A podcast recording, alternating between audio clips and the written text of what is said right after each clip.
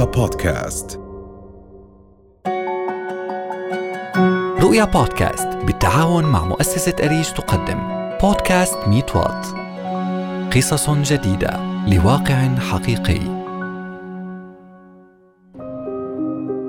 مع انطلاق حملة أنا أيضاً من خلال هاشتاج MeToo في أعقاب مزاعم بالتحرش والاغتصاب ضد هارفي واينستين المنتج السينمائي الشهير دونت ملايين النساء حول العالم قصصهن عن حوادث تحرش تعرضن لها في أماكن العمل.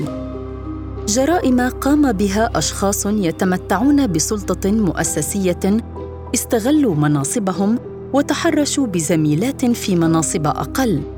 وتحت نفس الوسم دونت قصص جرائم تحرش لنساء أردنيات كنا قد أخفيناها طويلا.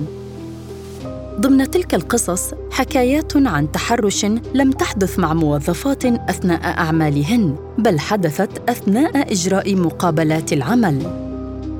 أنا ما كنت فاهمة إنه اللي صار معي تحرش. حسيت ما حدا رح ياخذ حقي فأخذته بإيدي. المشكلة الأساسية في نفس المعتدي وليست في الضحية. فما هي صور التحرش؟ وهل هناك تعريف واضح وعقوبات رادعة للمتحرشين في القانون الأردني؟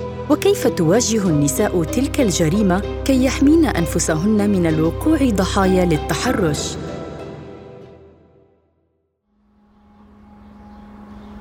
تقدمت هبة بطلب للعمل إلى العديد من المؤسسات والشركات ومن ثم تلقت مكالمة هاتفية سعيدة تخبرها أن لديها مقابلة. ألو؟ أهلا؟ آه أنا. بكرة؟ لا فاضيه طبعا. شكرا. باي باي. ماما عندي مقابلة بكرة. والله هلأ رنوا علي. فرحت هبة وشعرت بالحماس وبدأت الاستعداد بمراجعة متطلبات الوظيفة وباقي الأسئلة النمطية التي تسأل أثناء مقابلة العمل. لكنها فوجئت بأسئلة وموضوعات مختلفة عما توقعت. يطرحها عليها مسؤول الموارد البشرية أثناء المقابلة. أنا كنت في هديك الفترة بقابل كثير وبواحدة من المقابلات رحت عليها وبلشت عادي. كنت أنا وشاب ال HR بالمكتب لحالنا. أول إشي كان عادي الوضع كان بيسألني يعني عن خبرتي وشغلي اللي قبل. بعدين صار يعني يسألني أسئلة شخصية إنه مرتبطة عندك مشكلة تأخري بالدوام وهيك يعني. بعدين هي كانت الدنيا شتاء فجأة صار يحكي يعني إنه شو رأيك نكمل حكي بمكان أعزمك على شي دافي أنا يعني انصدمت وحكالي أنا جاي عبالي أحضنك. صدمت بصراحة وما عرفت كيف تكون ردة فعلي يعني إنه كبيت عليه كاسة القهوة اللي كانت قدامي. وطلعت. ما اشتكيت لأنه ما نصحوني وحسيت ما حدا راح يعني ما راح يجيب نتيجة وما حدا راح ياخد حقي فأخدته بإيدي. أنهت هباء المقابلة بردع مباشر للمتحرش لكنها لم تتقدم بشكوى ضده فأفلت من العقاب وعادت من المقابلة تحمل ذكرى سيئة تركت فيها حزنا وألما. تلك كانت تجربة سيئة لمقابلة عمل مباشرة. لكن هل تتوقع ألاء التي أجرت مقابلة عمل عبر الإنترنت وهي على مبعدة من مسؤول الموارد البشرية أن تتعرض لإيذاء؟ أنا طالبة جامعة. آه، بفترة من الفترات كنت عم بدور على شغل خاصة اللي هي فترة كورونا. بما إنه ما كان في كتير شغل فكنت عم بقدم على كتير شركات وعم بقدم ال CV على أكتر من شركة. فمرة آه، لاحظت شغلة إنه بعثت ال CV لشركة direct ردوا علي.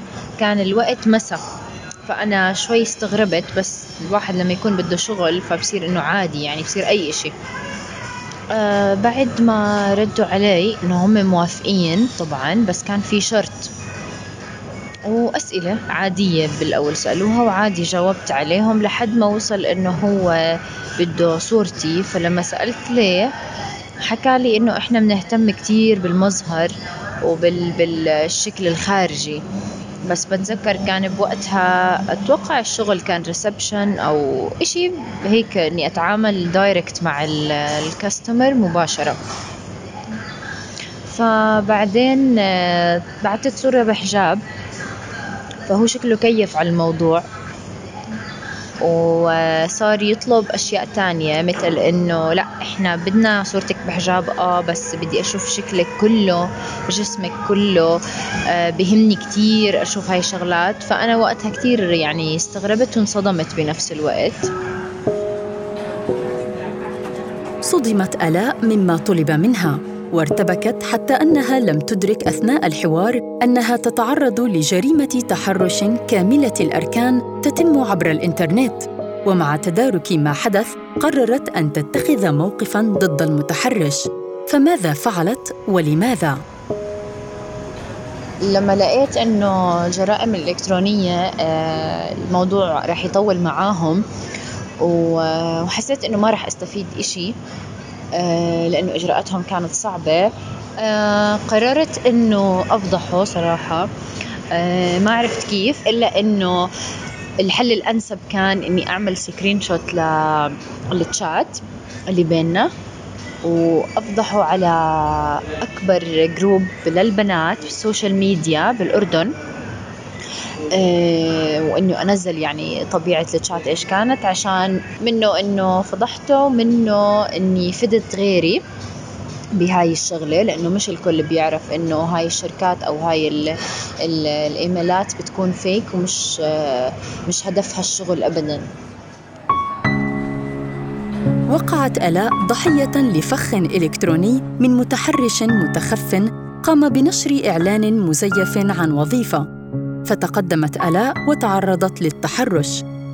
لكنها أشارت إلى أنها لم تفهم طبيعة الفعل الذي قام به المتحرش في البداية مثل كثيرات لا يفهمن ما حدث معهن مما قد يفهم منه تساهلهن مع بعض المضايقات وعدم الإبلاغ عنها فيفلت المتحرش بجريمته دون عقاب. فكيف تعرف السيدة إنعام العشا مستشارة جمعية معهد تضامن النساء الأردني صور وأشكال التحرش؟ الناس بتفكر إنه التحرش فقط هو يعني اللي بيكون بالكلام المباشر أو بالملامسة إيه، لكن له أشكال عديدة الإيماءات الحركات اللي بتوصل رسائل جنسية الرسائل الأصوات النظرات يعني في مئة وسيلة. يعني هو أنت بتفرض رغبتك الجنسية أو على الطرف الثاني آه، بعيد عن إرادته. وبعدين هم المتحرش يعني طبعا بكون الغاية إنه بده يحسسك برغبته فيك بده يوصل لك رسالة جنسية. أصلا في خلط عند كثير من الفتيات ومن الناس ومن الشباب حتى ما بين عبارات الاستحسان والملاطفة اللي كنا بنحب حدا يلاطفنا ويحكي معنا كلام لطيف ومحترم وما بين التحرش.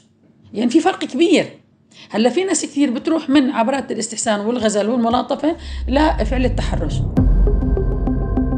أشكال كثيرة وصور متعددة لفعل التحرش بحسب إنعام العشاء. وشكاوى كثيرة تزايدت في الآونة الأخيرة عن تعرض النساء للعنف والتحرش في أماكن العمل داخل الأردن. أثبتت ذلك دراسة للجنة الوطنية الأردنية لشؤون المرأة. حيث ذكرت أن نسبة التحرش الجنسي في أماكن العمل بلغت 42%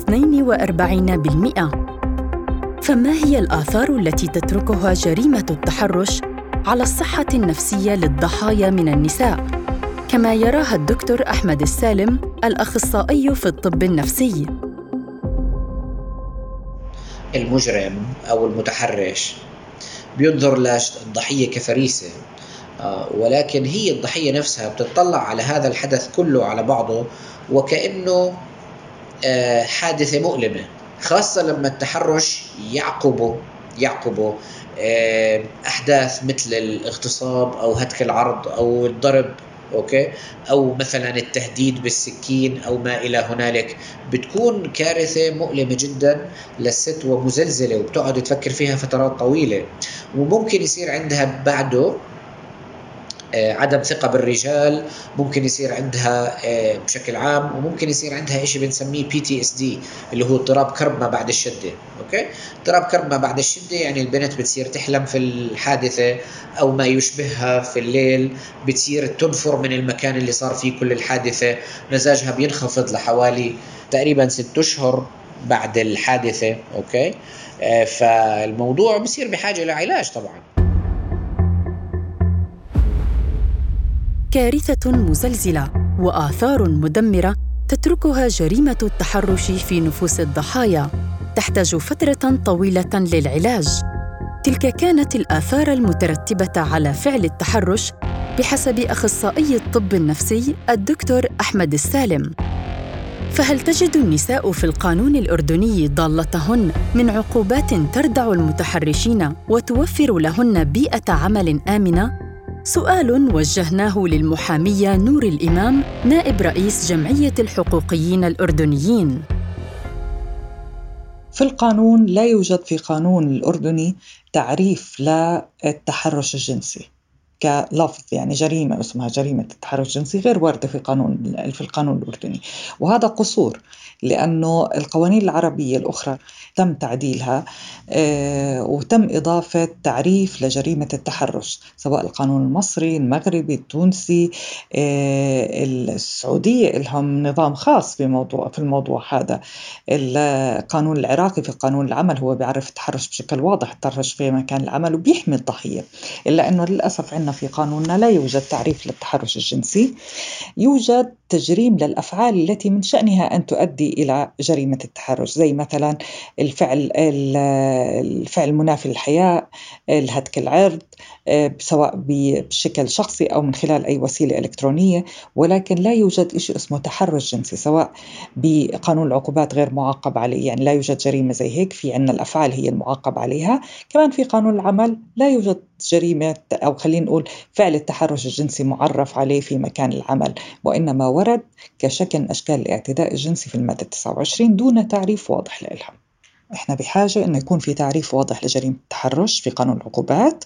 إضافة لهذا الموضوع يكون في فعل التحرش في مكان العمل يكون في له تعريف إضافة للحماية اللي هي للعاملة ووجود آلية للشكوى بحيث أنه هي تضمن أنه كل شخص ياخذ حقه بشكل سري يعني يكون آلية الشكوى والتحقيق سرية بحيث أنه يتم الوصول لهذا الشخص ويكون في ردع للشخص المتحرش. إذا كان موظف بذات المكان بدنا بحاجة لتعديل المادة 28 أنه تكون أحد الأسباب اللي ممكن أنه يتم إنهاء عمل عامل دون إشعار بناء على هذا الأمر ويكون المادة 29 يكون فيها حماية للعاملة كمان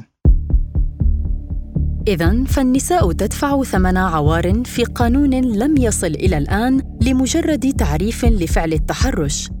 فما هي النصيحة التي توجهها السيدة إنعام العشا للنساء من أجل ردع المتحرشين وحماية أنفسهن من التعرض للتحرش؟ وماذا على الأسر أن تقدم لبناتهن من أجل دعمهن في وجه المتحرشين؟ اللي بيمنع السيدات المتقدمات لطلب عمل إنه آه، يقدموا شكاوي أو يعلنوا عن إنهم تعرضوا للتحرش أو الابتزاز أو الاستغلال أثناء المقابلة من أرباب العمل أو الجهات اللي بتقابلهم مجموعة من الأسباب. طول أمد التقاضي القضايا آه، طويلة الأمد بدنا نروح ونيجي على المحاكم بترتب عليك تبعات تحطي محامي أو تقدمي للمستشارين أنت لا تمتلك المال أساسا. الإثبات. أنا كيف بدي أثبت؟ يعني إذا أنا كنت بقابل بس صاحب المنشأة. صاحب مصنع صاحب مشغل صاحب أي منشأة يعني. وكنت أنا وياه لحالي. غير لما بكون في مجموعة. وعادة التحرشات بتصير بالأطر الضيقة لما بكون من شخص لشخص. بكون أكثر انتشار. يعني هذه بعض العوامل. مفهوم العيب يعني. والعائلة ممكن كمان أنا يعني أرجع أقول والله أنا بدي أقاضي لأني أنا قدمت فرصة آه، طلب عمل فتحرش فيي أو يعني أساء لي. ف آه، يعني ممكن العائلة تمنعها. ومن ثم المعرفة بالقوانين والأنظمة آه، نعرف كيف إحنا نأخذ كل الاحتياطات إنه إذا حدا بده يتمادى معي أعرف كيف أوقفه عند حده أمتلك الجرأة إني أكون واضحة؟ وحتى لو رب المنشأة أو أنا بدي أحصل على العمل الأولوية إن نحمي حالي مش الحصول على فرصة العمل. لأني إذا تغاضيت عن التحرشات اللي في خلال المقابلة لاحقا رح يترتب عليها أفعال أخرى أكثر خطورة. ثانيا فضح المعتدي. يعني الأصل أنه تفضح المعتدي تحكي عنه أنه تحرش. سواء رحتي عبر القضاء ولا حكيتي عنه ولا يعني بأي وسيلة من الوسائل. لأنه هذا بيمنع من الاعتداء على الأخريات. وكمان يمكن هذا طلب للأهالي أنه نساند بناتنا يعني مش دائما نعلق الخطأ على ملابسهم على وقت المقابلة على نوع المقابلة على نوع العمل. هذا كله ما له علاقة. المشكلة الأساسية في نفس المعتدي وليست في الضحية. في ظل عدم وجود تعريف واضح لجريمة التحرش وقانون رادع للمتحرشين فليس للنساء بد إلا التصدي للتحرش بكل صوره وأشكاله. بتجاوز الخجل والوصمة المتعلقة بالفعله بالإبلاغ عما يتعرضن له من استغلال بتقديم شكوى إدارية أو اللجوء للمحاكم للاستفادة من المتاح في قانون العقوبات. وذلك حتى تستجيب الحكومة للمطالبات بمراجعة قوانين العمل ووضع تدابير صارمة لتيسير العدالة على ضحايا التحرش في أماكن العمل.